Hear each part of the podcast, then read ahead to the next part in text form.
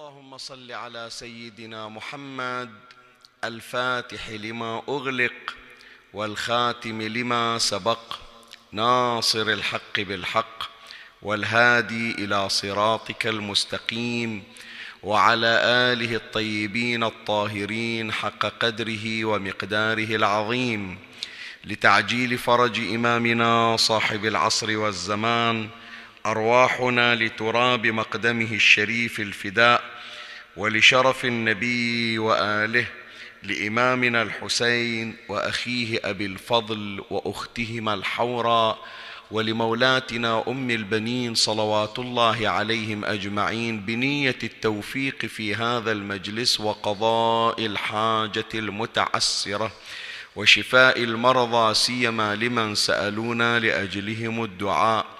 ولروح والدي وموتاي وموتاكم ولمن مات على الإيمان للمنسيين ومن لا يذكره ذاكر ولا يترحم عليه مترحم ولاستضافه أرواح أهل البيت صلوات الله عليهم أجمعين في مجلسنا هذا لنورانيته والتوفيق فيه رحم الله من قرأ للجميع سورة الفاتحة. يا حي يا قيوم بسم الله الرحمن الرحيم. الحمد لله رب العالمين الرحمن الرحيم مالك يوم الدين إياك نعبد وإياك نستعين اهدنا الصراط المستقيم صراط الذين أنعمت عليهم غير المغضوب عليهم ولا الضالين بسم الله الرحمن الرحيم. قل هو الله أحد. الله الصمد لم يلد ولم يولد ولم يكن له كفوا أحد. اللهم عجل لوليك الفرج والنصر والعافية. وانصره نصرا عزيزا وافتح له فتحا يسيرا وهب له من لدنك سلطانا نصيرا. رب اشرح لي صدري ويسر لي أمري واحلل عقدة من لساني يفقه قولي. يا كاشف الكرب عن وجه أخيه الحسين اكشف كربي بجاه أخيك الحسين نادي عليا مظهر العجائب تجده عونا لك في النوائب كل هم وغم سينجلي بولايتك يا علي يا علي يا علي يا أبا الغوث أغثني يا فارس الحجاز أدركني بلطفك الخفي ولا تهلكني. يا مولاتي يا فاطمة بنت محمد أغيثيني يا سيدتي. صلى الله عليك يا سيدي ويا مولاي يا رسول الله. صلى الله عليك وعلى آلك الطاهرين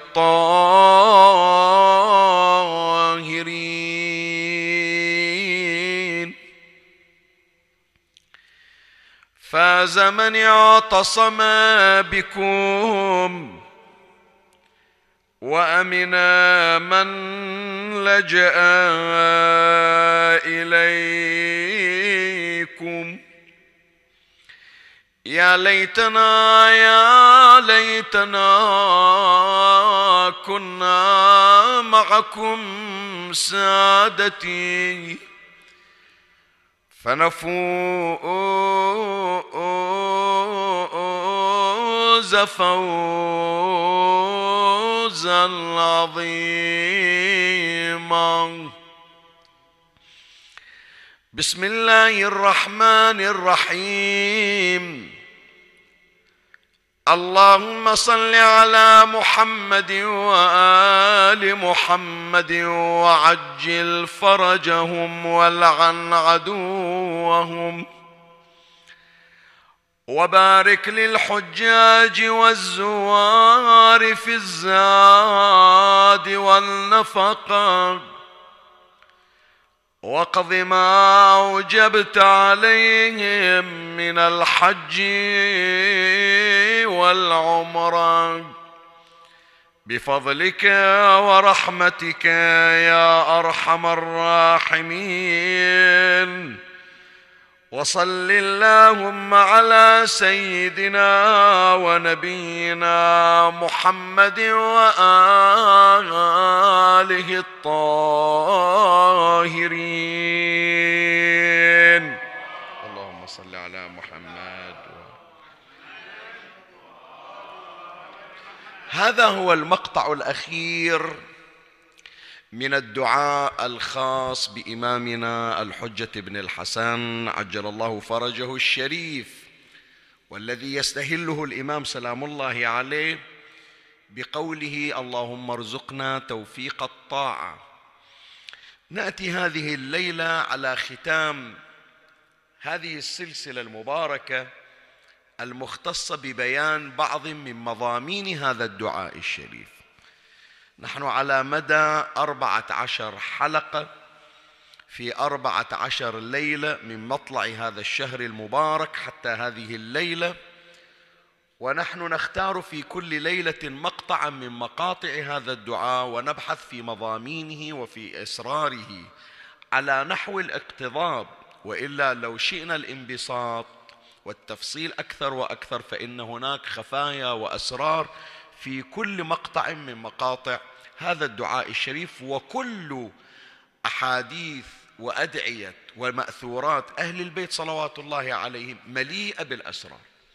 لا يمكن لأحد يا أحبتي أن يدعي ويجزم بأنه قد استطاع استيعاب كل أسرار مجرد كلمة من كلمات أهل البيت سلام الله عليه.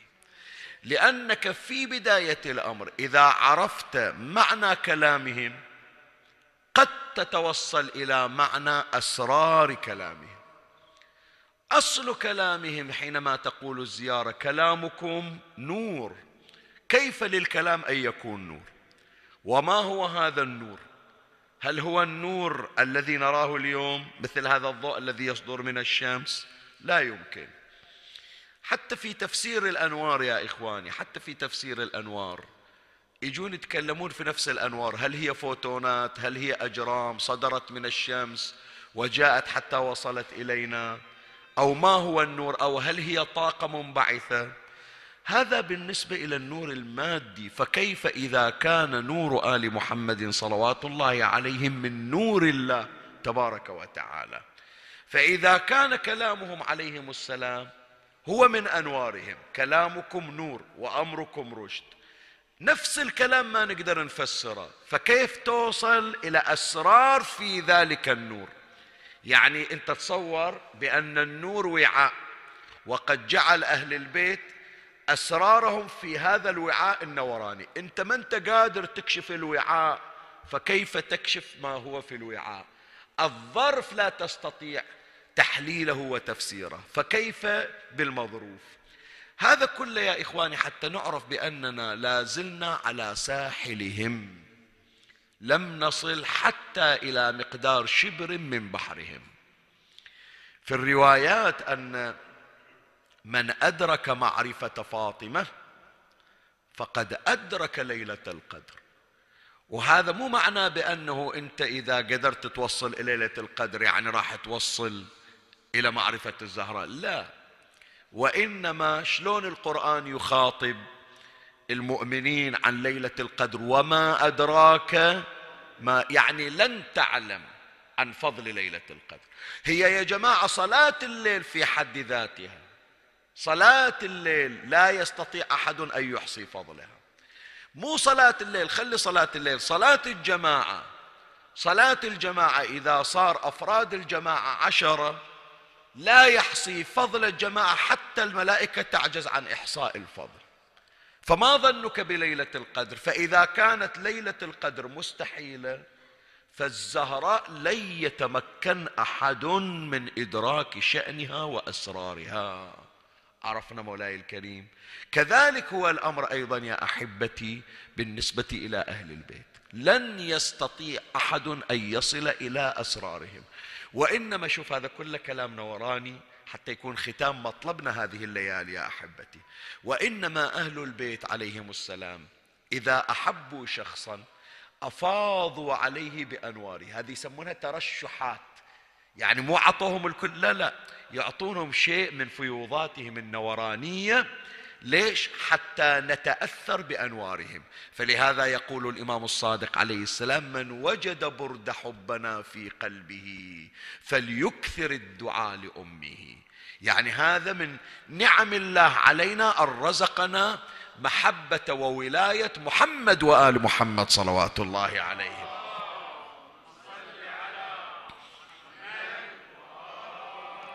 حتى في مجالسنا يا أحبتي. خلي حتى أدخل الآن في المطلب. هذا كله كله خارج البحث. بس مو فضله لا. أنا أعتبر هذا الكلام عمدة. يهمني أنا كل من كل المجالس وال هذه المحاضرات وهذه البحوث. لا. أن أزرع في قلبك نواة حبهم. وأن أبذر في قلبك بذرة أنوارهم. هو هذا الغرض. مو الغرض تحشيد المعلومات يا إخواني. الغرض أن يكون قلبك نورانيا بمحبتهم صلوات الله عليهم. شوف المجلس هذا الآن قل لي أنت الآن بعد الليلة وليلة باكر الله يعودنا وإياكم إن شاء الله. سر مجالسنا في هالأربعة عشر ليلة شنو؟ تدري سر المجالس شنو؟ مو والله معلومات جديدة و... وأرقام أول مرة نسمعها وحديث يمكن ما سامع لا مو هذا الكلام. شوف من أول شهر رمضان إلى غاية البارحة والليلة. ما مر مجلس إلا وطعمناه بفضائل محمد وآل محمد صلوات الله عليه.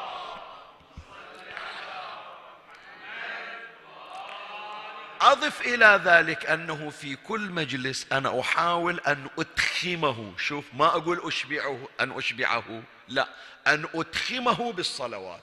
ليش؟ لأني أنا أعتبر أولا وهذه يمكن من الأسرار يعني أنا من خطتي في في مجالسي. أولا بالصلوات ينشرح الصدر تجيني المعلومات ويصير عندي قدرة على الإلقاء. هي واحدة. وبالصلوات هم أيضا تنفتح مساريب قلبك قبل مساريب أسماعك فلهذا تتلقى الكلام. ويمكن معلومة ما أدري خلي إن شاء الله تتوثق وتتسجل وتعرفونها. أحد إخواننا من كوادر الحسينية أنا من أطلع ويا الشباب أوقف هو يخبرني يقول شيخنا تدري من أول ليلة إلى هذه الليلة اللي هي البارحة أنا أحسب عدد الصلوات اللي تسويها. هو يقول يحسب يقول الليلة هالكثر مرة سوينا صلوات ساعات إذا قصرنا لسبب أنه سوء توفيق أقول ما أدور لنفسي عذر أقول هذا سوء توفيق من أقل العدد الصلوات. وصلت الظهر إلى 13 أو 14 صلوات في أثناء المجلس. يقول شيخنا ما أدري تدري لو لا؟ يقول أنا مشغل ال live يقول إحنا قاعدين مشغلين ال live وأحسب الصلوات وداخل على الموقع اللي يرصد حالات الإصابات بالفيروس. يقول تدري شيخنا كل ما زادت الصلوات إحنا نشوف أحيانا الأعداد تقل يقول أنا أقابل بين هذه وهذه. أعرف بأن آثار ذكر الله وآثار ذكر أهل البيت صلوات الله عليهم هي خير علاج للمداواة وللشفاء من هذه الأوبئة. فلهذا يا أحبائي قبل الخوض في غمار البحث أريد من عندكم إلى مولاي صاحب العصر والزمان عجل الله فرجه الشريف 14 مرة نستمر بالصلوات بنية الشفاء والنورانية ورا بعض. صلوا على محمد وآل محمد. اللهم صل على محمد وآل محمد. اللهم صل على محمد وآل محمد. اللهم صل على محمد وآل محمد. اللهم صل على محمد وآل محمد. اللهم صل على محمد وآل محمد. اللهم صل على محمد وآل محمد. اللهم صل على محمد وآل محمد. اللهم صل على محمد وآل محمد. اللهم صل على محمد وآل محمد. اللهم صل على محمد وآل محمد. اللهم صل على محمد وآل محمد. اللهم صل على محمد وآل محمد. اللهم صل على محمد وآل محمد. أسأل الله أن يرينا أثر هذه الصلوات في الدنيا وفي القبر وفي الآخرة إن شاء الله. فمولاي الكريم نعود لنبتدئ حديثنا في الفقرة الأخيرة.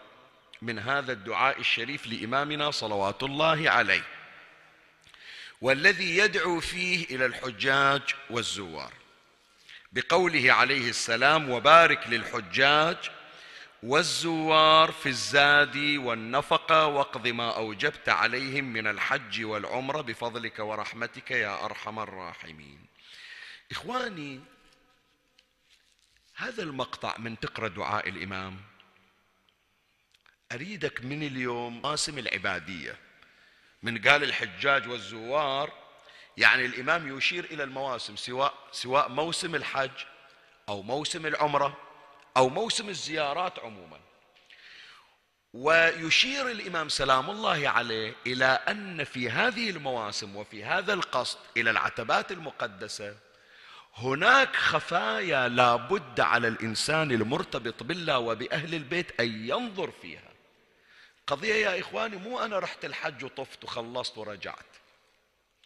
ولا مثل ما واحد قال شيخنا أنا رحت إلى ليلة الجمعة زرت الحسين ورجعت. لا انظر إلى ما وضع من خفايا في هذه المواسم العبادية. الإمام أعطانا إشارة. شوف من يدعو الإمام فكر فقط في أمرين. من يقول الإمام سلام الله عليه وبارك للحجاج والزوار. اولا دعوة بالبركة. ثانيا من الداعي؟ الإمام سلام الله عليه. ثالثا لما تجتمع الشيعة كلها من أول عهد الإمام إلى هذا العهد وحتى ظهوره الشريف. كلهم يدعون بالبركة للحجاج والزوار. تخيل لما يصير تركيز الدعاء لهذه المواسم. ماذا تترقب أن يظهر في هذه المواسم من أسرار؟ دعوة بالبركة ودعوة الإمام ودعوة كل شيعة أهل البيت. حتما هناك أمور خافية ستظهر ومنها ما ظهر. وهذا اللي يبعثنا يا إخواني للبحث عن خفايا الاسرار الخفايا وأسرار. هذا ما يبعثنا للبحث عن خفايا وأسرار المواسم العبادية. شلون؟ راح أذكر لك بس نموذج عينة.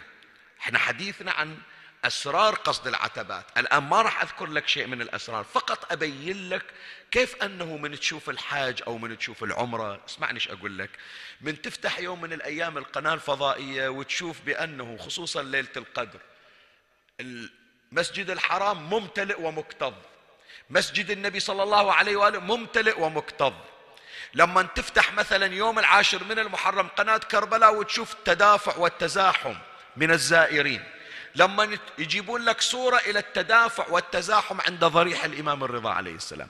أنت لا تشوف زحمة وبس لا هناك أسرار وهناك خفايا. خلي أذكر لك بعض من عندها. واحدة منها يا إخواني استمرارية الزحف نحو البقاع الطاهرة والعتبات المقدسة. شلون أنت الآن عينة واحدة نموذج واحد وهو الكعبة المشرفة. منو اللي بنى الكعبة يا إخواني بهذا المنظر اللي نشوفه؟ نبي الله إبراهيم مو تمام إبراهيم وإسماعيل قاما ببناء بيت الله تبارك وتعالى. طيب من خلص إبراهيم وإسماعيل من بناء الكعبة؟ جاء الأمر من الله تبارك وتعالى إلى إبراهيم. شنو الأمر؟ وأذن في الناس بالحج يأتوك رجالا وعلى كل ضامر يأتين من كل فج عميق. يقول له يا ربي منو يجي النبار؟ بعد مكة ما استوت مو مثل الحين مو هالفنادق اللي تشوفها ومو هالمحلات ومو هالمكان المكيف. بعد بس مجرد الكعبة. وبير زمزم تول ما قاعد يطلع أول ما إسماعيل ولد وصار يحفص برجليه. ما كل الطيور وما كل كم نفر موجود. منو يجينا؟ منو يتعنى في هالبر وفي هالج... قال له ما عليك. انت عليك بس تصعد على الكعبة وتنادي في الناس بالحج. قل لهم أيها الناس حجوا لبيت ربكم. بس لا مكبر صوت لا يشغلون لك لايف على اليوتيوب. ولا ينتشر الأقمار الصناعية قناة فضائية أبدا. إحنا اللي نبلغ. شلون تبلغ؟ تبلغ من أولا؟ فكر كيف يصل الصوت وإلى من يصل الصوت. أولا الصوت يصل ينقله جبرائيل إلى كل سامع. ثانيا من الذي يسمع الصوت؟ بس اللي كانوا عايشين في ذاك الزمن؟ لا. حتى الذين في الأصلاب ولهذا هي معلومة حخلي يسمعونها أولادنا اللي أتمنى أنه يحتفظون فيها. من نادى جبرائيل أيها الناس حجوا لبيت ربكم. أجابه الكل إلا مكتوب إلى الحاج أجابه سواء من الأحياء في ذلك الزمن أو الأجنة الذين في بطون أمهاتهم أو البشر الذين كانوا في أصلاب وظهور آبائهم. كلهم قالوا لبيك اللهم لبيك. على عدد التلبية اللي ردوا على إبراهيم حصلوا حجات. فاللي قال لبيك اللهم لبيك لبى إبراهيم لما ناداه بالحاج راح الحج مرة. إلا كررها مرتين هذا راح مرتين. إلا قالها مثلا خلنا نقول ثلاثين مرة. نفس الله يرحمه يمكن ما سامعين عنا أولادنا. سامعين الآن عن حملة الكاظم؟ مر عليكم اسم حملة الكاظم مالت الحاج؟ اي هذه منه مؤسسها يسمونه الله يرحمه رحمة الأبرار حج أحمد بن كاظم حتى ما يعرفون الكبار. خمسة وأربعين حجة وعمرة. حياته كلها من الصغر إلى أن فارق الحياة. فارق الحياة في عمرة رجب ذيك السنة إحنا كنا هناك. شايف؟ قضى جل حياته في الحج والعمرة إلى أن فارق الحياة. هذا كله تستكشف أنه بعدد التلبيات شقد جاوبت على إبراهيم لبيك اللهم لبيك هذا أنا جاي إلى الحاج. الله يعطيك على كل تلبية حجة فلهذا يا أحبائي لما نطلع من المحرم ونقصد إلى مكة المكرمة وإحنا محرمين نلبي التلبيات الواجبة لبيك اللهم لبيك لبيك لا شريك لك لبيك. تالي نقرأ تلبيات مستحبة تتذكرونها؟ اللي راحوا العمرة يتذكرون؟ لبيك ذا المعارج لبيك لبيك مرهوبا. ومرغوبا إليك لبيك لبيك تستغني ويفتقر إليك لبيك داعيا إلى دار السلام تتذكرون هذه التلبيات؟ بعضهم يستثقلها أول مرة وتالي يتعب يسكت ما مسكين إلا ذاك بس المرشد يصيح لنا بيحسه ما حد وياه. ترى هذه التلبيات تكشف أنه أنت لبيت إلى إبراهيم. إشارة إلى التلبية الأولى اللي بعدك ما صرت في أصلا ما إجا لا أبوك ولا جدك وأنت في عالم الذر وفي عالم الأصلاب. زين. الله يقول له يا إبراهيم راح تشوف أثر هالنداء نجيبهم إلك شلون تجيبهم قال له ما عليك. شلون نجيبهم؟ من صوبنا. القرآن أشار قال يأتوك رجالا وعلى كل ضامر. بعضهم يقول يجون يعني بس الرجال شيخنا والنسوان والحريم شلون؟ لا مو رجال يعني يقصد الذكور. رجالا يعني يأتون مشيا راجلين على الأقدام. وفوق اللي على الأقدام يجون على كل ضامر. الضامر شنو؟ الناقة يسمونها الضمر. أو على الخيول على الدواب يسمونها الضمر. يعني بتشوف غير أنت تقول بروحك ما حد سمعني غير تقول ما عندي تجهيزات ما حد بيجيني لا بيجونك المشي قبل الركوب. يجونك راجلين أكثر من اللي تشوفهم يجونك راكبين. ولهذا يا أحبائي سبحان الله من أنا في فترة تحضير هذا الموضوع أقول يا سبحان الله هذا سر مشي إمامنا الحسن. خمسة وعشرين سنة ماشيا حج لله على قدمه. خمسة وعشرين سنة. يقول في الروايات هكذا يعني روايات سنية وشيعية. وإن النجائب لتساق بين يديه. النجائب شنو يعني؟ الخيول النجيبة. يقولوا له يا ابن رسول الله موجود عندنا دواب تفضل. يقول لا. إني أستحي أن ألقى الله ولم أحج إلى بيته ماشيا. أدري راح أوصل بسرعة بس أريد أقصد الله وأنا ماشي على القدمين. ليش؟ لأنه من تقرأ الآية يا إخواني الله أشار إلى صفة الحجيج إلا لبوه ووافقوا على المجيء.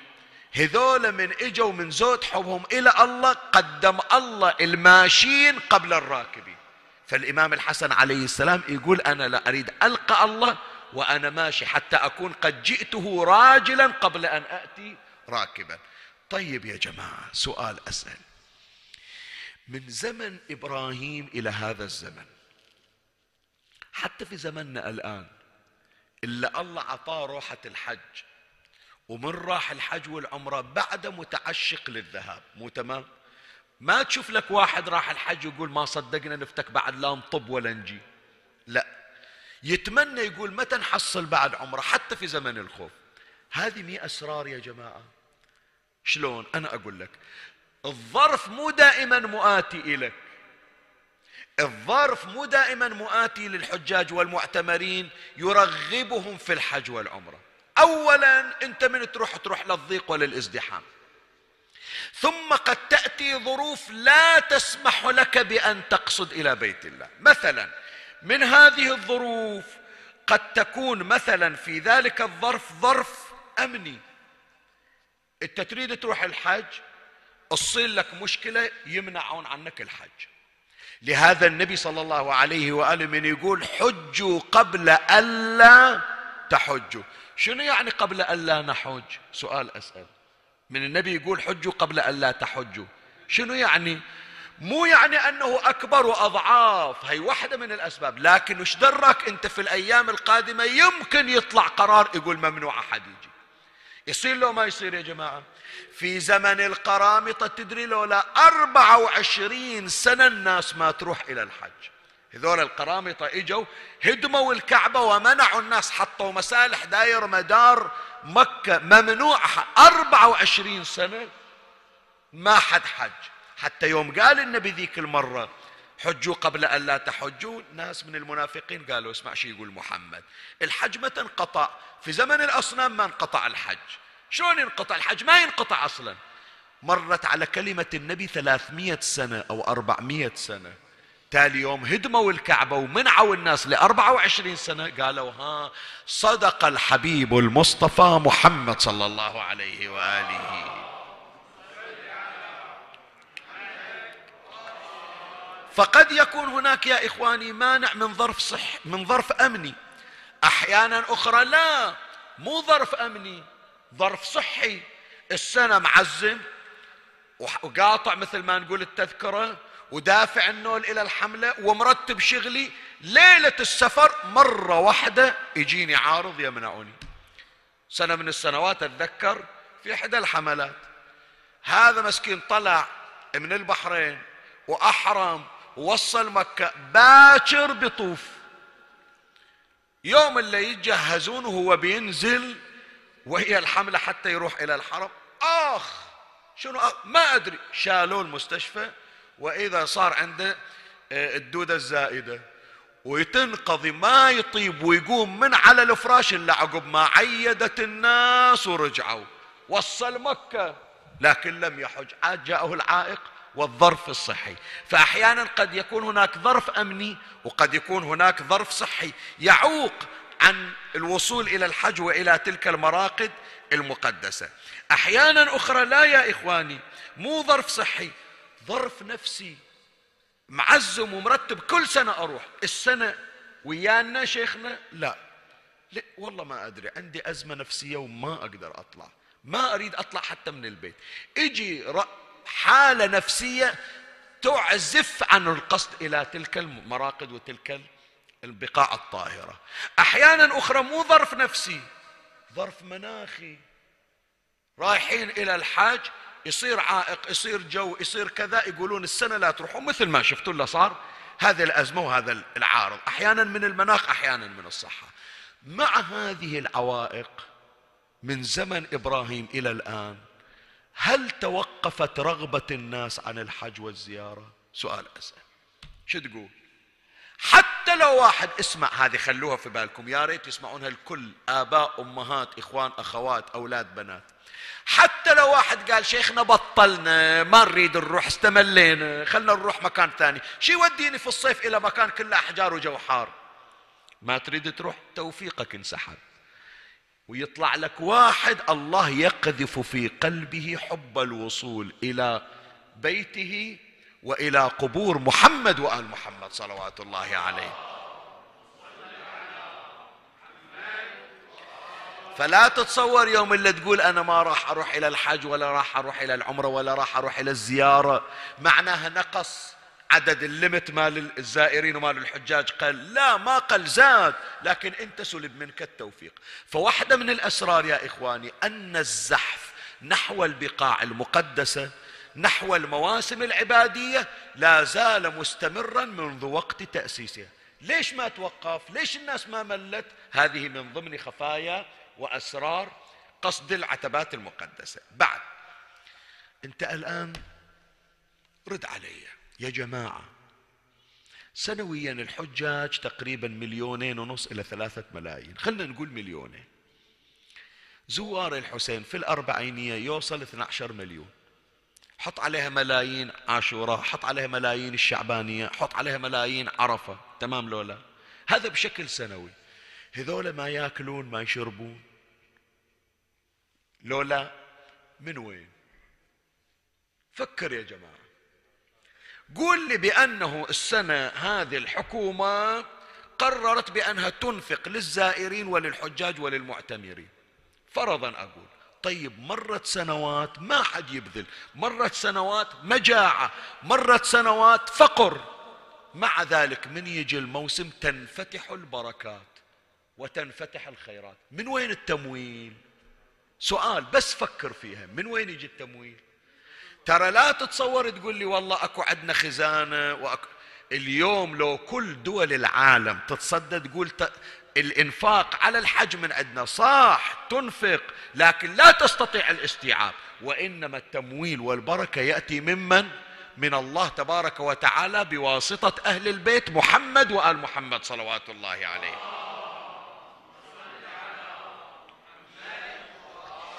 صار عندنا اثنين من الخفايا.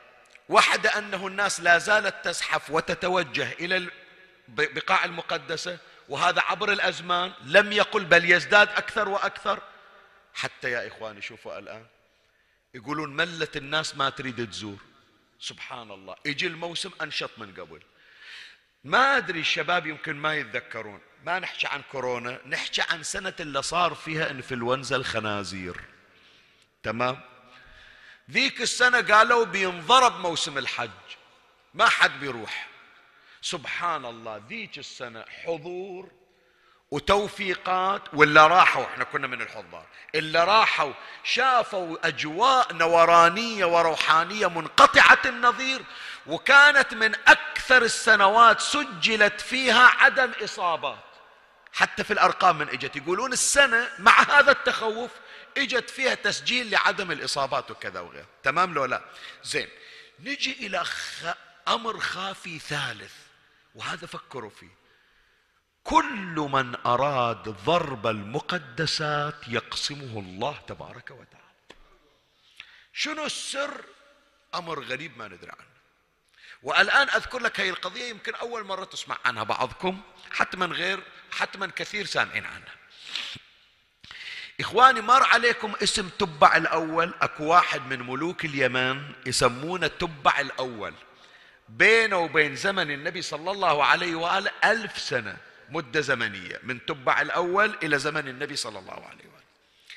هذا تبع الأول يوم من الأيام ماشي بالموكب طالع من اليمن وشاف اكو ناس يطوفون باحرامهم قبل الاسلام. طبعا هذا الكلام. الناس كانت تقصد الحج وتلبس ثيابا قبل مجيء النبي صلى الله عليه وسلم. يمرون على موكبة ويتعدونه التفت لهم قال هذول منهم فقراء وعب ما يتعدون علي المفروض يمشون وراء الموكب. واحد من وزراء قال له أيها الملك إنهم قصدوا ملكا أعظم منك. وعنده بيت أعظم من قصرك. قال أكو ملك في هالمنطقة أعظم مني. قال في هالمنطقة وغير هالمنطقة. من هالملك هذا؟ قال ملك السماوات والأرض. الله عز وجل. عنده بيت في مكة. وهذا البيت يطلعون الحجيج إليه وإذا راحوا إلى بيت ذلك الملك نسوا كل ملك. فلهذا تشوفهم يمرون ولا يعتبرون بك لأنهم قاصدين ملك ذلك البيت. قال ودوني إلى هالبيت هذا خلي أشوف. بيت هالملك أعظم من قصري خلي أشوفه. فراحوا ودوه إلى مكة. إجا شاف مكة حجارة. الكعبة حجارة. بعدها مو حاطين عليها ستار. اسمع. بعدها ما الكعبة ما حاطين عليها ستار. شاف وإذا حجارة سوداء. قال مع الأسف تاليها أنا أبو الذهب أبو الفضة اللي عندي قصور. بدل ما يجون يطوفون على قصري يجون يطوفون على حجارة سوداء. لكن من باكر بينه وبين نفسه يقول من باكر هالحجارة السوداء أهدمها وخلي الناس تجيني بدل ما يجون إلى الكعبة.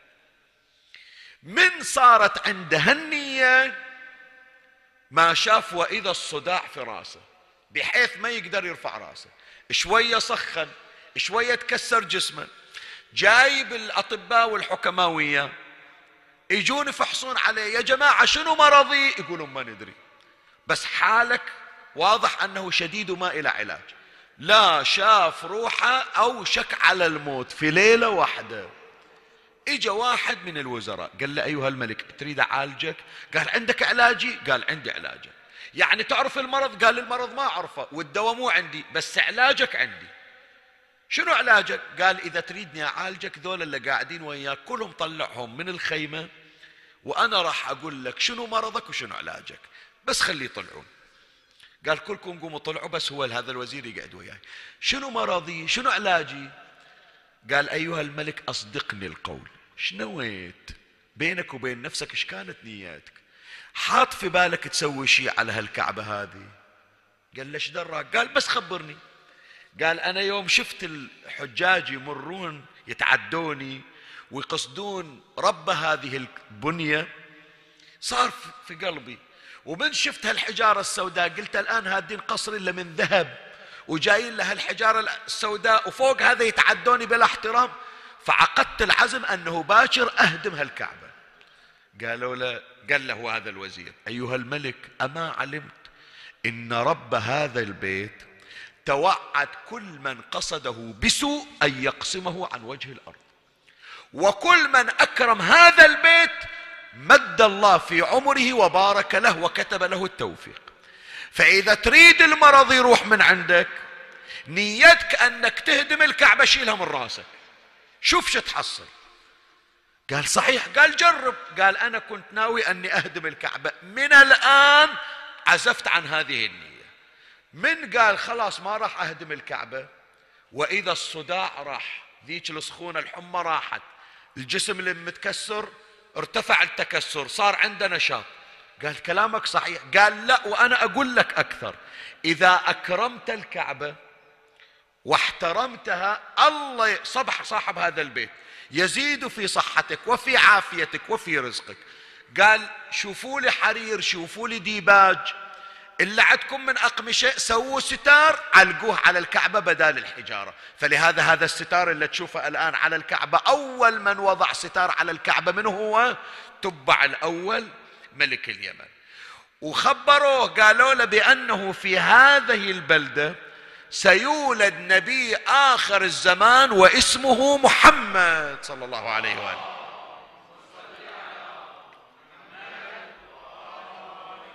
من آمن به يشفع له في الآخرة عند الله.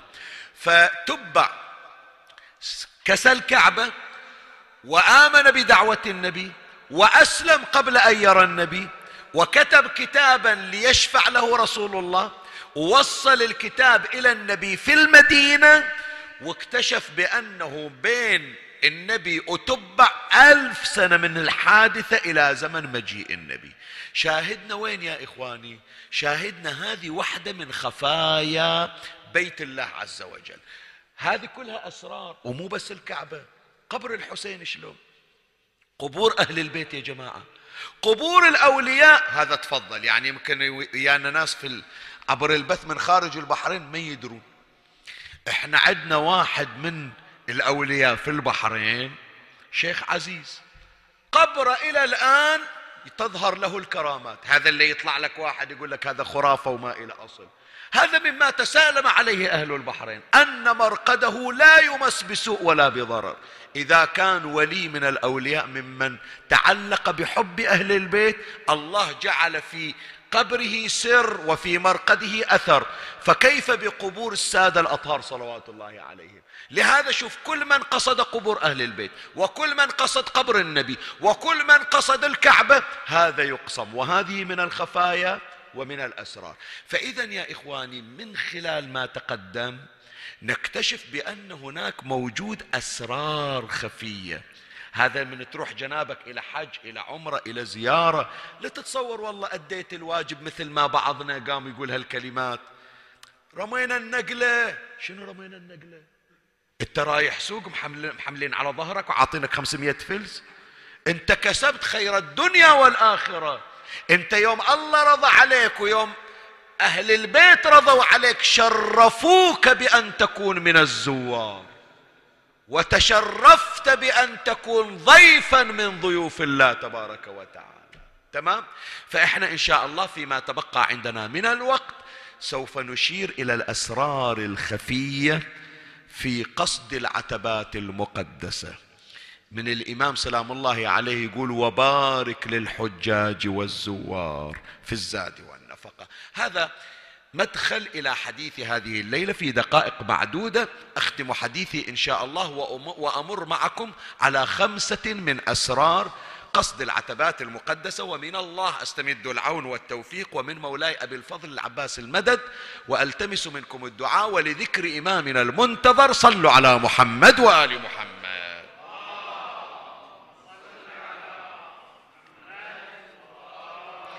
أول سر يا أحبتي من أسرار العتبات المقدسة والقصد إليها. سر البركة هناك بركة غير الإمام يقول وبارك للحجاج والزوار. بركة في شنو؟ في كل شيء. واحدة منها بركة الطعام والإطعام. هناك بركة خاصة في الطعام الذي يقدم في قصد العتبات المقدسة سواء كان الكعبة أو قبر النبي أو قبور الأئمة. الطعام فيه بركة ونفس عملية الإطعام فيها بركة. شلون؟ أنا أقول لك. وهذا يوقفنا عند إثارة مهمة. شوية لا تزعلون أحبائي أنا الليلة وليلة باكر وياكم. أتمنى أنه صدوركم تكون منشرحة وتتقبل هالكلمة هذه من أقولها لك. إحنا عندنا بعض الأشخاص ما أحكي عن الأشخاص الصداميين لا. أحكي عن بعض الأشخاص بحسن نية يقول شيخنا أنا أجي الحسينية مو للأكل أنا ما أدور أكل الحمد لله عندنا في بيتنا أكل. لكن أنا جاي بغرض الاستماع. موجود عندنا ناس هالشكل يا جماعة لولا أنا جاي أسمع مو جاي آكل. بعضهم يخلص الخطيب يقول استريح كلك البركة. يقول لا شيخنا سامحني أنا جاي أتسمع. زين حط بالك للكلمة. يا أحبائي من الله ينزل البركة ببركة دعاء الإمام سلام الله عليه. يخلي البركة في وين؟ يخلي البركة في عدة مواطن. إن شاء الله على بالك البركة في مكان. إن شاء الله تتصور الحسينية فيها كشك. تاخذ البركة من الكشك وتطلع. لا. البركة تجيك من مواطن عدة وإنت تدور هالمواطن اللي تحصل منها البركة فمن البركة يا إخواني بركة الاستماع. ذكرهم صلوات الله عليهم بركة. هذا واحد من مواطن البركة. من مواطن البركة نفس حضورك هذا. يعني أنا بخبرك. أنت على بالك البركة والخير من يصعد شيخ ياسين ويقول صلى الله عليك؟ لا. من ينفتح باب المأتم إلى أن يغلق نفس التواجد؟ هذا الحضور حتى لو ما ابتدى الخطيب. هو حضور بركة. من وين هالكلام جبناه؟ ما ذكر خبرنا هذا. أحسنت في محفل من محافل أهل الأرض وفيه جمع من شيعتنا ومحبينا إلا ونزلت عليهم الرحمة وحفت بهم الملائكة إلى أن يتفرقوا. فقال علي عليه السلام اذا والله فزنا وسعدنا وكذلك شيعتنا فازوا وسعدوا ورب الكعبة.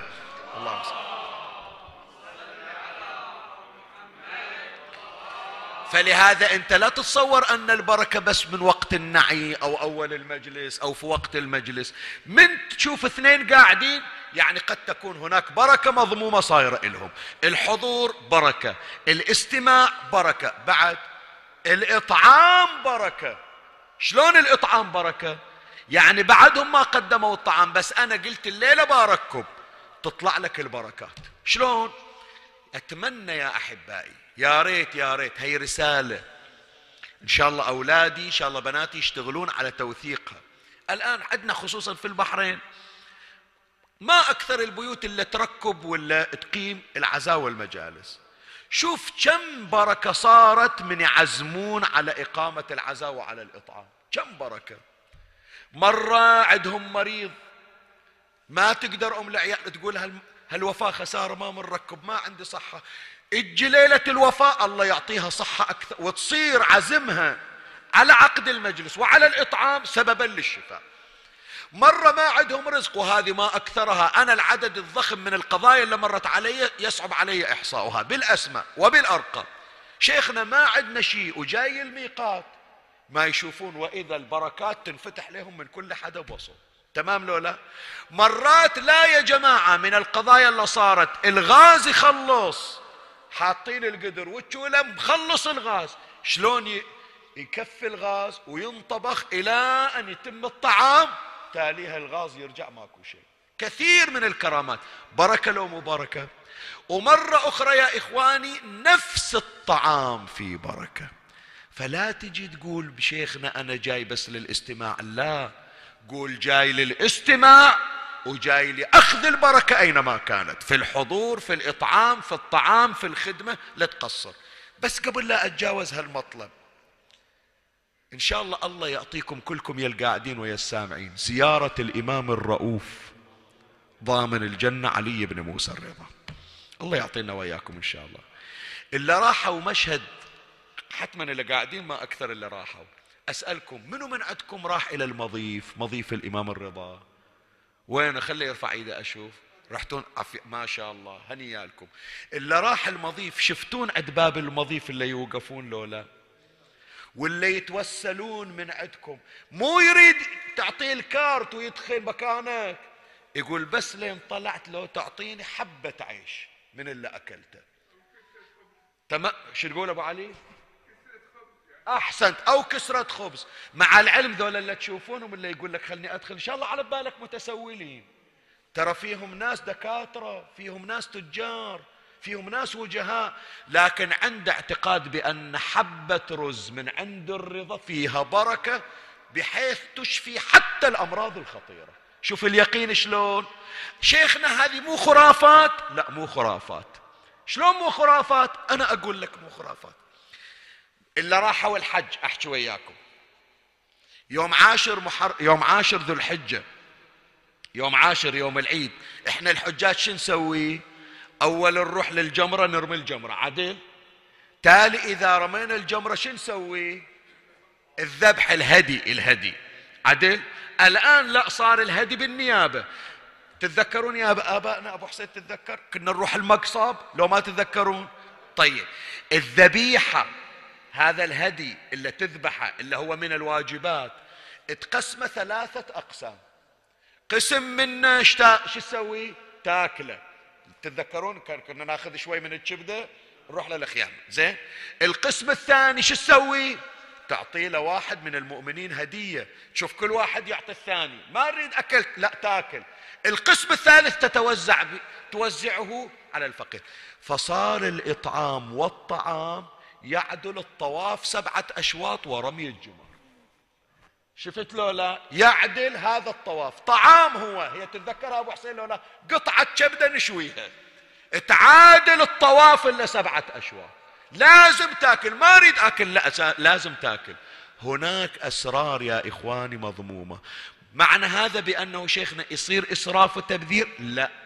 تحافظ على الضوابط الشرعية ولكن لا تسمع لواحد يقول لك لا ما إلنا حاجة. لا هناك أسرار وهناك بركات جاءت ببركة دعاء إمامنا قائم آل بيت محمد صلى الله عليه وسلم.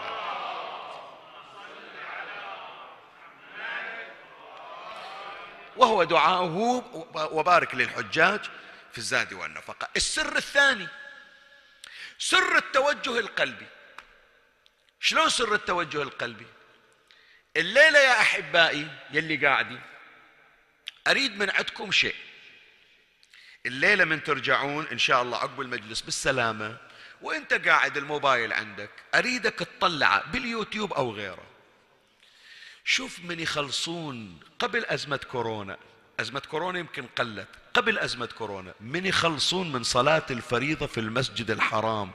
عند الحجر الأسود شي يصير؟ سؤال أسأل.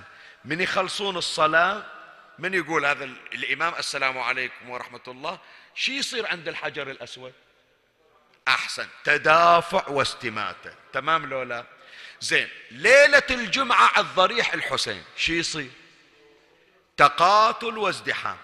عند ضريح الإمام الرضا عليه السلام شي يصير؟ طيب. هذا الاندفاع وهذا الازدحام ويمكن بعضكم شايف يشيل بعضهم طفل رضيع حتى يجيبه للحجر الأسود. شنو السر اللي موجود في القلب؟ اللي هذا يمكن يحصل دفعة يحصل ضربة يحصل مضايقة. إيش عنده؟ هذا ما وجد في من حب تجاه هذا وهذا من الأسرار يا إخواني. بالمقابل غيرك عنده عنده تدافع على شيء ثاني. خلي يقولون لك في المجمع اليوم مسوين سيل.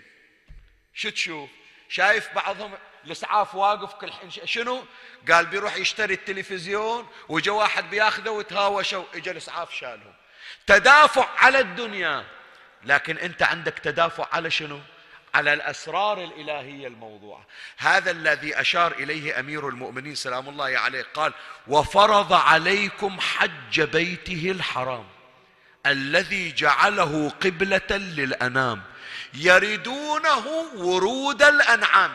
هذا السر اللي ذكر أمير المؤمنين. شنو يريدون ورود الأنعام؟ شايف الجمال إذا إجوا يشربون من كل مكان يجون يتراكضون.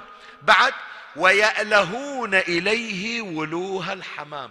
حط الشعير عند القفص وشوف الحمام شلون يجي الطاير. هذا إحنا يا جماعة. أمير المؤمنين يقول في سر موجود.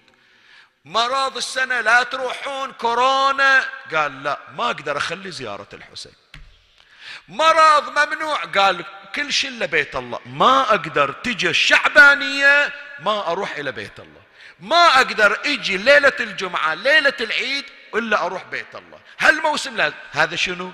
هذا من أسرار تلك العتبات المقدسة أنها صار لها جاذبية تجذب القلوب. اثنين ثلاثة الصحة والعافية. شلون الصحة والعافية؟ يقول الإمام زين العابدين سلام الله عليه حجوا واعتمروا تصح أبدانكم وتتسع أرزاقكم وتكفون مؤونات عيالكم. مريض مريض مو قادر يتحرك. والله يا إخواني هذا منبر الحسين يشهد عليه. أذكر ذيك الليلة ليلة عاشر ذي الحجة ليلة العيد إحنا في مزدلفة. شفت اثنين. واحد منهم أعرفه الثاني ما أعرفه. إلا عرفه هم أتصور معظم اللي قاعدين يعرفونه حج عبد الرضا حسن أبو محمد من الدي رجل هذا أستاذي أنا أعترف وأقر بذلك. أحد أساتذتي الذين تتلمذت عليهم من الأخيار الأبرار الأخيار. الله يرحم أخوه محمد حسن رحمة الله عليه. أبو علي إي والله. أهل الأهل دول أهل الخير. مولاي الكريم ذيك السنة حج عبد الرضا كان مريض وكان وياه حج خليل الشيخ تعرفونه أبو ضياء. ليلة عاشر ليلة مزدلفة على على الويل شير على الكرسي. إحنا شفناه أنا قلت هذا كيف بيخلص مناسك الحج زين ليلة عاشر والآن راحت منى وفي هالحال وفي هالوضع بعدين لما لقيناه قال شيخنا فرج الله عني وشفيت من مرض خطير ببركة قصدي إلى حج بيت الله الحرام. اللهم صل على محمد وآل محمد. هذا الآن الحجاك موجود في صحة وعافية من بعد مرض كان قد ألم به مرض خطير. هو يقول من رحت الحج ذيك المرة إجيت سويت العملية العملية خطيرة سهل الله علي أمري الحمد لله أنا في موفور عافية. وفي نفس السنة وفي نفس الليلة. كان في حملة عندنا اسمها حملة العرادي هذا الرجل أنا ما أعرفه. شفته. جايبينه يا جماعة في شلل نصفي. شلل نصفي. وشايفين أعزكم الله دورات المياه اللي هناك في مزدلفة شلون. جدا ضيقة من هذه ال... يعني ما تتسع إلى واحد حتى سمين أنه يدخل. شلون يدخلونه إلى دورة المياه؟ بصعوبة. مع ذلك أتم حجه في سهولة ويسر الله يسر عليه. كم واحد يلي قاعدين ولا ويانا في البث؟ من يجون شيخنا شي طوفنا هالازدحام. أول ما يدخل خصوصا إذا صرورة أول مرة جاي. تو شايف المسجد الحرام وشايف المطاف مليان إلى الأعتاب. شيخنا شي يوصلنا؟ شلون نطوف؟ تاليها من يطوف؟ ويخلص ولا يقول لا ما أنا طايف بانوب. من تخلص المناسك يقول ما أحس بتعب لو زين الحج يرد يرجع من جديد. من وين هالنشاط هذا حصله؟ هذا من أسرار الحج. حجوا واعتمروا تصح أبدانكم. ولهذا أذكر لك رواية قبل لا أتجاوز هالمطلب. يمكن رواية خطيرة يا إخواني إحنا نقع في هالمحذور ولا نلتفت. اكو واحد من اصحاب الامام الصادق اسمه اسحاق ابن عمار.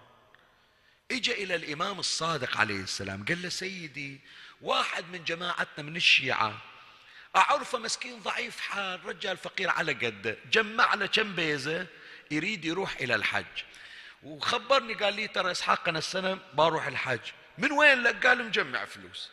فقلت له شي يوديك الحج أنت ما تسمع اليوم في ناس هالشكل. بنروح لزيارة. شي يوديك لزيارة على هالأوضاع. خلها غير سنة. بروح الحج شي يوديك الحج من وين إلك أنت؟ غير حجيت. ما لازم. صرفها على عيالك أحسن. هذا إسحاق ابن عمار. يقول للإمام الصادق عليه السلام. يقول قلت إلى هذا صاحبنا الضعيف الحال. قلت له شي يوديك؟ انفقها على عيالك. أنت ما دام حجيت الواجب ما لازم تحج مستحب. تدري إيش قال للإمام اسمع أقرأ لك نص العبارة. عن إسحاق ابن عمار قال قلت لأبي عبد الله إن رجلا استشارني في الحج وكان ضعيف الحال فأشفقت عليه. يقول صار في خاطري يعني قلت مسكين ما عنده. فأش فأشرت عليه أن لا يحج قلت له لا تروح وقطعت عن روحة الحج. قال الإمام سلام الله عليه ما أخلقك أن تمرض سنة. ليش منعته؟ يعني كنا إحنا نقول حوبة الحج شارة الحج. ما أخلقك أن تمرض سنة؟ فقال إسحاق ابن عمار فمرضت سنة كاملة. يوم قلت له لا تروح انت إيش عليك من عنده؟ يمكن الله كاتب إلي يوسع إلى في الرزق إذا راح الحج. حجوا واعتمروا. تصح أبدانكم ويوسع في أرزاقكم. ليش تمنعه انت اللي بتتكفل بأمره فإذا سمعت عن واحد يا جماعة بيروح إلى زيارة الحسين بيروح لزيارة الرضا بيروح إلى العمرة بيروح إلى الحج لا تمنعه قل له روح والله ييسر إليك والله يفتح لك أبواب الخير. لا تقطع هناك أسرار قد وضعت كما ورد في الحديث تعال إن لربكم في أيام دهركم نفحات فتعرضوا لنفحات ربكم. زين. قول أبو علي. أدعو إلى القاعدين كلهم وإلك يا أبو علي. إن شاء الله نجتمع هناك في صحن أمير المؤمنين. إذا الله جمعني وياك يا أبو علي خذ علي. إذا الله جمعني وياك أقرأ لك هناك في الصحن وأقول لك هذه مالة حسينية السنابس. أعوضك عنها. لتعجيل الفرج يا أحبائي ولنجتمع جميعا في صحن الرضا صلوا على محمد بأعلى أصواتكم.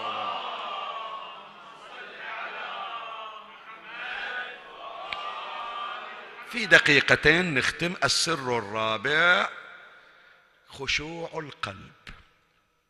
قلبك ما يتحرك عينك ما تدمع. جرب قصد قبر الحسين عليه السلام. الليلة تقرون في مفاتيح الجنان الاستئذان على الإمام الحسين. شوف إيش يعطي. يقول الإمام الصادق عليه السلام فإن خشع قلبك ودمعت عينك فهو علامة الإذن. يعني من تروح اسمعني حبيبي يلي رحتون إلى كربلاء ولا رحتون للإمام الرضا. من توقف عند الباب وتقول بإذن الله وإذن رسوله وملائي وإذن ملائكته وأوليائه الصالحين أدخل هذه الروضة المباركة. فكونوا ملائكة الله أعواني لأدخل هذه الروضة المباركة وأدعو الله بفنون الدعوات. وتصيح السلام عليك يا رسول أأدخل يا الله أأدخل يا رسول الله. وتشوف قلبك انكسر عينك تتحرك صارت الخشوع. تعرف إيش معناتها يعني الحسين يقول لك هلا بيك تعال انتظر جيتك إلي. الإمام يقول فهو علامة الإذن. إذن يعني غيرك مطرود ما حصلها بس استنقاك الحسين واختارك يريدك أنت. شيخنا عندي ذنوب. إي عندك ذنوب وعندك معاصي. الشور هناك عند الحسين. التعقيم هناك عند الحسين. الله ضام إلك حال الطهارة عند قبر الحسين. فواحدة من الأسرار مولاي سر خشوع القلب وختاما السر الخامس اكتمل مجلسنا وهو من أغرب الأسرار. سر الفرح والسرور. شلون فرح وسرور؟ حجي أسولف وياك. خلها الآن مو قراية أدردش وياك أنا. شلون فرح وسرور؟ تتذكرون ليلة الجمعة عند الحسين شلون؟ هذا تو مسمع سيد مرتضى القزويني تو مسمع سيد جاسم الله يرحمه. خلص وإذا قاعد تو مخلص من دعاكمين وإذا قاعد يسولف الزوار كل واحد مستانس ويا الثاني. عمي توك أنت مسمع المجلس وقاعد تصيح ليش تضحك؟ ليش مستانس؟ يقول والله ما أدري فرحة وسرور في قلبي. مستانس ليلة الجمعة وعند الحسين. تمام لو لا؟ شايفين الزوار يا جماعة لين خلصوا زيارة ورجعوا إلى البحرين. شلون الفرحة والسرور في المطار إذا كل واحد يودع الثاني؟ شو الفرحة والسرور؟ زين بيزاتك خلصت فلوسك خلصت فرحان على شنو؟ أنت هناك في الزيارة بواكي فرحان على شنو؟ يقول ما أدري فرحان إني أنا من زوار الحسين. الحجاج أحكي وياهم اللي عندي بالمجلس واللي يسمعونا. من تصير النفرة يوم 12 يرمون الجمار ويخلصون الأعمال ويرجعون يطلعون من الخيام الظهر راجعين. شوف الفرحة كأنها عيد أعظم من عيد أعظم من عيد في الفندق. من وين هالفرحة جاية؟ هي من الأسرار الخفية. وهذا مسك الختام خلاص أحط نقطة آخر السطر. مو شيخ ياسين اللي يقرأ. لا إمامك الحسين عليه السلام هو اللي يقرأ. عمي ليش تبكي؟ ليش أشوف حتى الصغار قاموا يصيحون ويبكون؟ ما قاري لك مصيبة أنا وين راح قلبك؟ شوف إمامك الحسين هو اللي يقرأ لك الليلة يقول الحسين عليه السلام أنا قتيل العبرة فدوى إلك أبو علي. أنا قتيل العبرة قتلت مكروبا. وحقيق علي ألا يأتيني مكروب قط. إلا رده الله وأقلبه إلى أهله مسرورا. تدري يعني شنو يقول لك الحسين؟ يقول كافي الضيم اللي شفته في يوم عاشر. كافي كسر الظهر عند أبو فاضل. كافي قلب اللي تجرح يوم شلته وصال علي الأكبر أمشي وتتنثر على التراب ما أرضى على الشيعة تنكسر قلوبهم. فلو يجيني مهموم يتعنى إلى كربلاء ليش جايني كربلاء؟ أنا ما يجيني واحد مهموم ويرجع بقلبه مكسور. إلا اطيب خاطره أهل السنابس الليلة شيخ ياسين يقرأ لو أنتون اللي تقرون. ردوا علي. الليلة هذه ختام النعي ليلة باكر مولد كريم أهل البيت. أسألك الليلة أنت تقرأ لو أنا اللي أقرأ؟ أقرأ لك أقرأ لك من عيني. أبو علي كل زاير يتعناك. ترجع ترجع بالفرحة والسرور. أشوف بس واحدة من الزوار كسرت خاطرها. عندك أغلى منها زينب. عندك أغلى من أختك زينب. كان طيبت خاطرها يا أبو علي بدل قعدتها في الخرايب. كان مسحت على قلبها بدل وقفتها في الدواوين. كان أخذت بخاطرها ترى السياد تلوت على متنها. أبو علي ليش زينب رجعت مكسورة من عندك؟ ليش قلب زينب صاير مكسور يا أبا عبد الله؟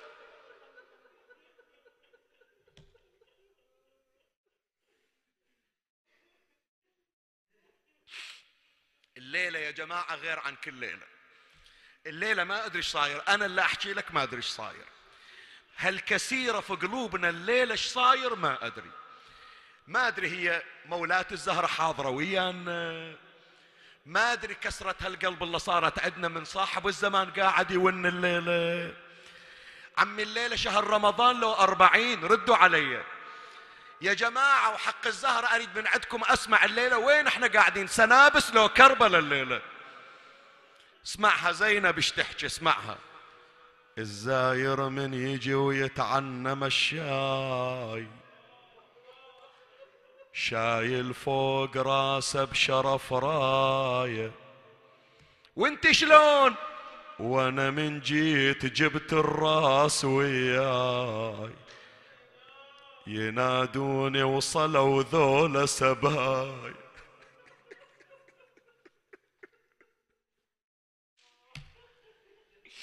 هنيالك عمي هنيالك.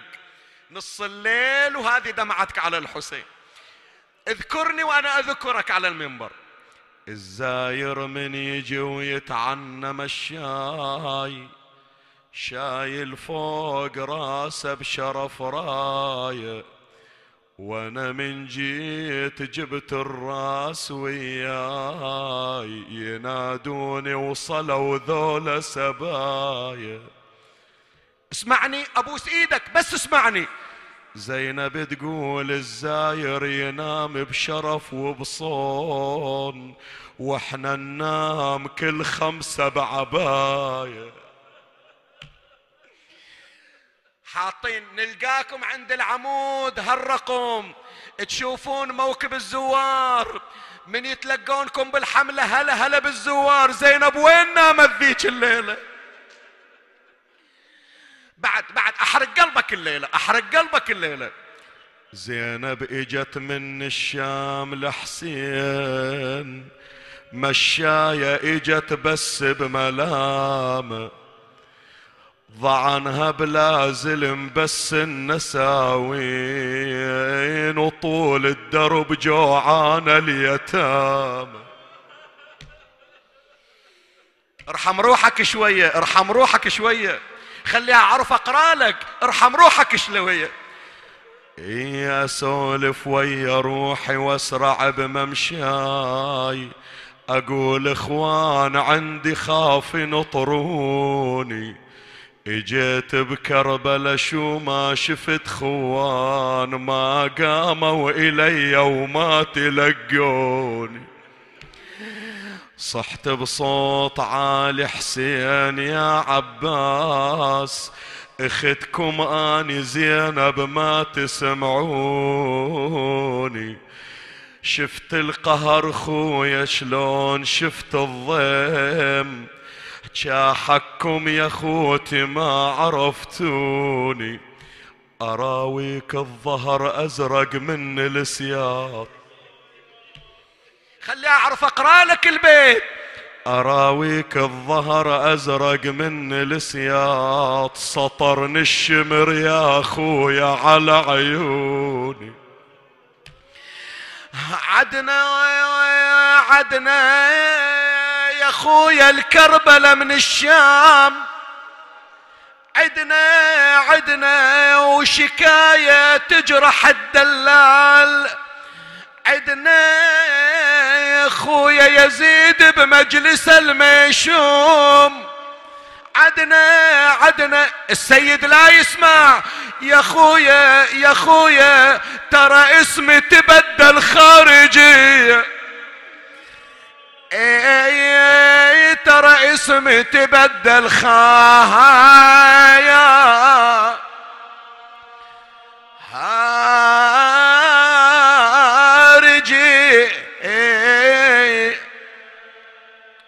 اقرا للي كانوا ويانا في كربلاء. اللي يتذكرون من قرينا هالبيت إيش صار بالفندق ذيك الليلة؟ زينب تقول لمح جار لمح جار مثل لمح البصر دهري. لمح جار لمح جار وأنا ما حد نظر طولي. لمح جار أقرأ له أسكت. يا أخويا كل واحد يطالعني لمح جار ليش اللي مو من حجار يا جماعة؟ كل واحد يعايني لمحجار. خويا شلون أدفع ومكتوفة إيدي؟ إيه أنا شلون أدفع مجتوفاه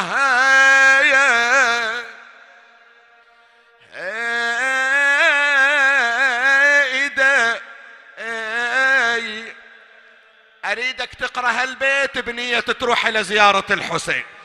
نقرأها هناك هناك بين الحسين والعباس. كلكم صوت واحد يكون الزلزل الحسينية الليلة. قبر الشهيد ابن أمي. بانت لنا. عيده قبر الشهيد ابن أمي.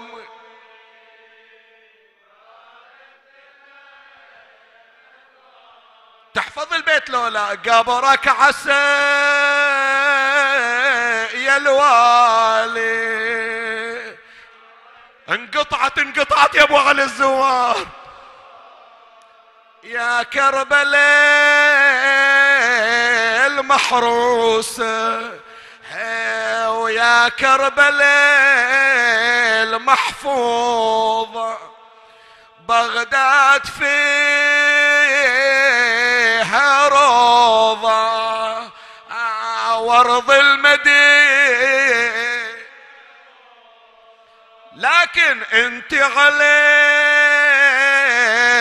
فستي بشنو بالجثة يا كربلاء من حظك كل الفخار. شوف هالبيت مثل الطعنة بقلبك اسم الله على قلبك. وصلناكم يا أبو فاضل. ولا جيتوا تنزلونا. هاي الروس جبناها. منكم نطلب العونة. خويا راس حسين سمحوا لي. ليش تراه مكسرة؟ اللي يجيب هدية يا زينب يجيبها سالمة. اش كسر الرأس؟ بطشت الذهب كسرها. يزيد وتنظر عيوني. خويا خويا حسين ما كانت على البال. على البال أطب المجلس وبزنود الحب.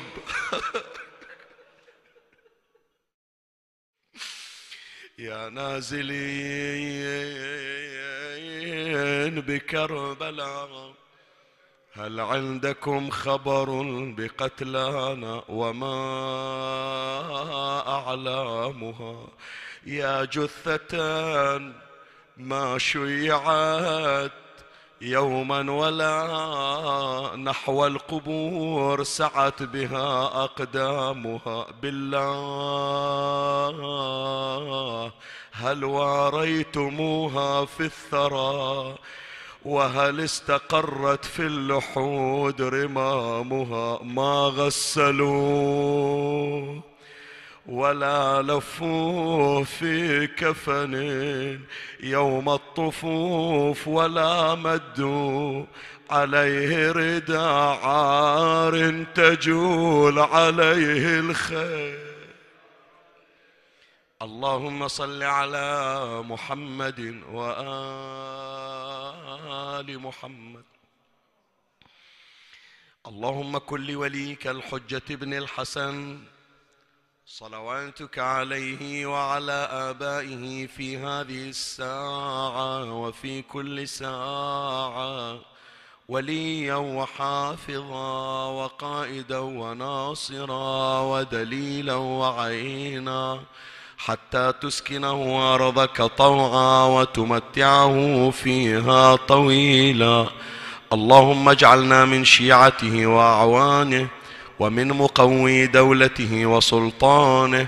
اللهم تضرعنا إليك يا ربي احفظه عن يمينه وعن شماله ومن أمامه ومن ورائه ومن فوقه ومن تحته واجعله في درعك الحصينة التي تجعل فيها من تريد. اللهم استبدل حزن قلبه بالفرح والسرور. أوصل إليه سلامنا وتحياتنا ورد علينا منه السلام والتحية. وارزقنا رضا قلبه فإن في رضا قلبه رضاك شرفنا برؤيته. وارزقنا شرف خدمته يا مدبر الأمور. يا باعث من في القبور يا مجري البحور. يا ملين الحديد لداود عليه السلام. صل على محمد وآل محمد وافعل بنا ما أنت أهله يا الله. قدموا حوائجكم. ألتمسكم الدعاء للمؤمنين الذين سألون الدعاء. اللهم صل على محمد وآل محمد. اللهم سلمنا لشهر رمضان وسلمه لنا وتسلمه منا. فلا ينقضي عنا إلا وقد غفرت لنا. اكتبنا فيه من عتقائك من نار جهنم. ترحم على أموات وأموات الباذلين والسامعين والمؤمنين في مشارق الأرض ومغاربها. أوصل لهم جميعا ثواب هذا المجلس وبلغهم ثواب الفاتحة مع الصلوات.